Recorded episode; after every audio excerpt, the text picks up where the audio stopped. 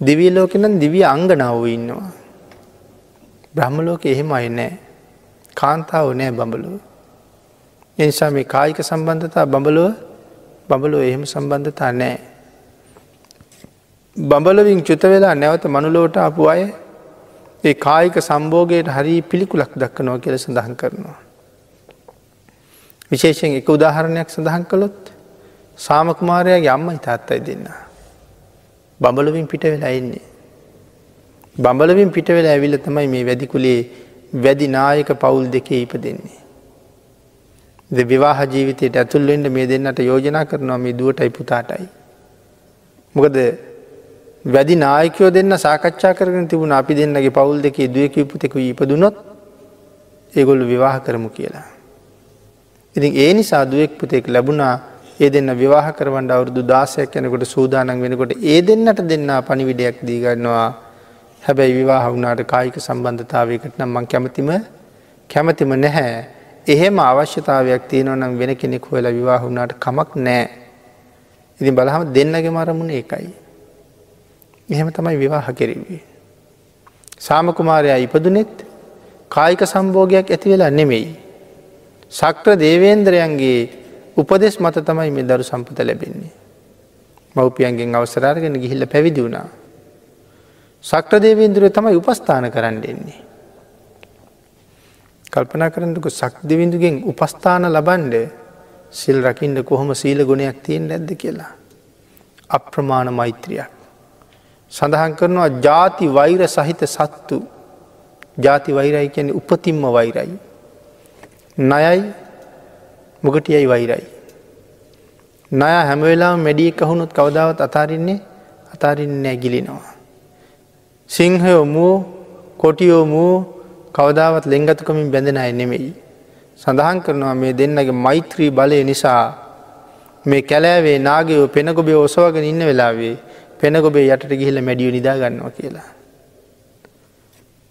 මෝ ගිහිල්ල කොටියන්ගේ මූුණ ලෙව කනවා කියල සඳහන් කරනවා අම්මයි දරුවයි වගේ සෙනෙහසින් කරදර නෑ කවදාවත්.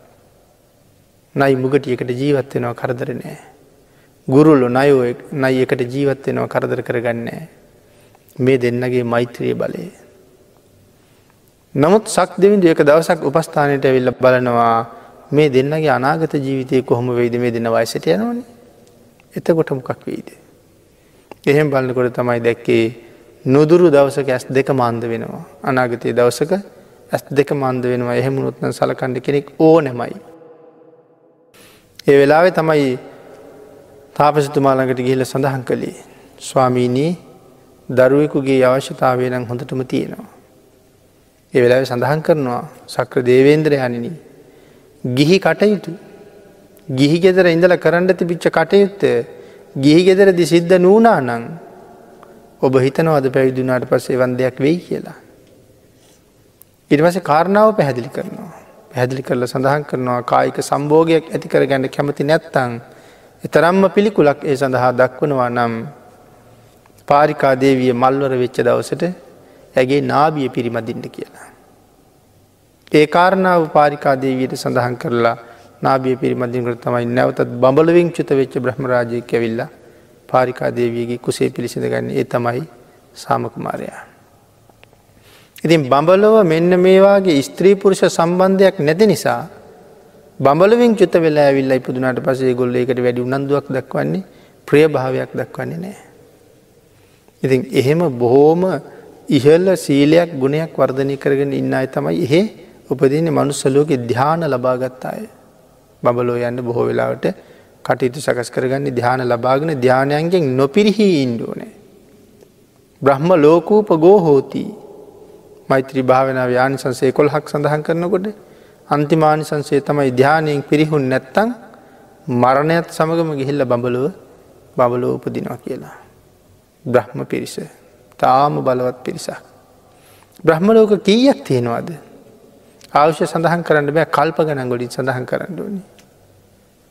දිවියන්ගේ ආවශ්‍යන කෝටි ගණන් ගොලින් කීවා බ්‍රහ්මයන්ගේ අවශ්‍ය කල්ප ගණන් ගොලින් කියන්න ඕනේ. ලෝතුරා බුදුරු හත් දෙනෙක් දැකපු බ්‍රහ්ම රාජයුත්තව බ්‍රහ්ම ලෝකොල තාමත් වැඩඉන්නවා. බුද්ධාන්තර හතක් වැඩ ඉන්නවා කියහම් කොයි තරන් දීර්ග දාවිශය. මෙමන මෙන්න මේ බ්‍රහ්ම පිරිස සඳහන් කරනවා බ්‍රහ්ම ලෝක දාසයයි. රූප සහිත බ්‍රහ්ම ලෝක දාසයයි. රූප තියෙනවා.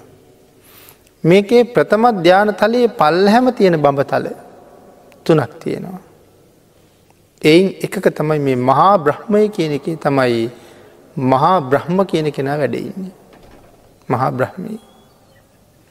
මහා බ්‍රහ්ම කියන කෙනාගේ තියෙන ශක්තිය පැහැදිලි කරනවා මෙහෙම. සක්වලවල් දාහක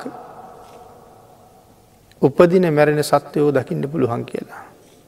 සක්වලවල් දාහක උපදින මැරෙන සත්වයෝ දකින්න චුතුපපාත ඥානයක්. නැතම් පෙර විසූ කඳ පිළිවල දක්නා නුවන උපදින මැරෙන සත්වයෝ. දකිින්ට පුළුවන් සක්වලවල් දාහක ඉන්න.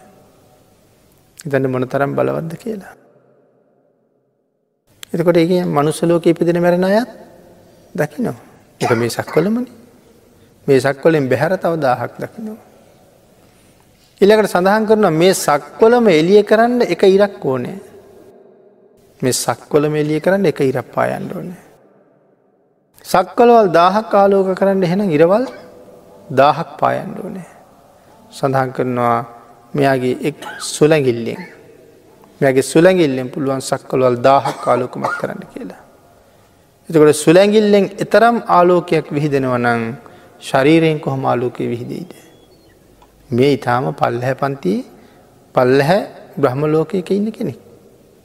මහා බ්‍රහ්ම මෙහෙවනං උන්වහන්සේට ඉහලින් වැඩඉන්න බ්‍රහ්ම ලෝකොල ඉන්න අයගේ බලය කොහොම කොහොම වෙන්න ඇද.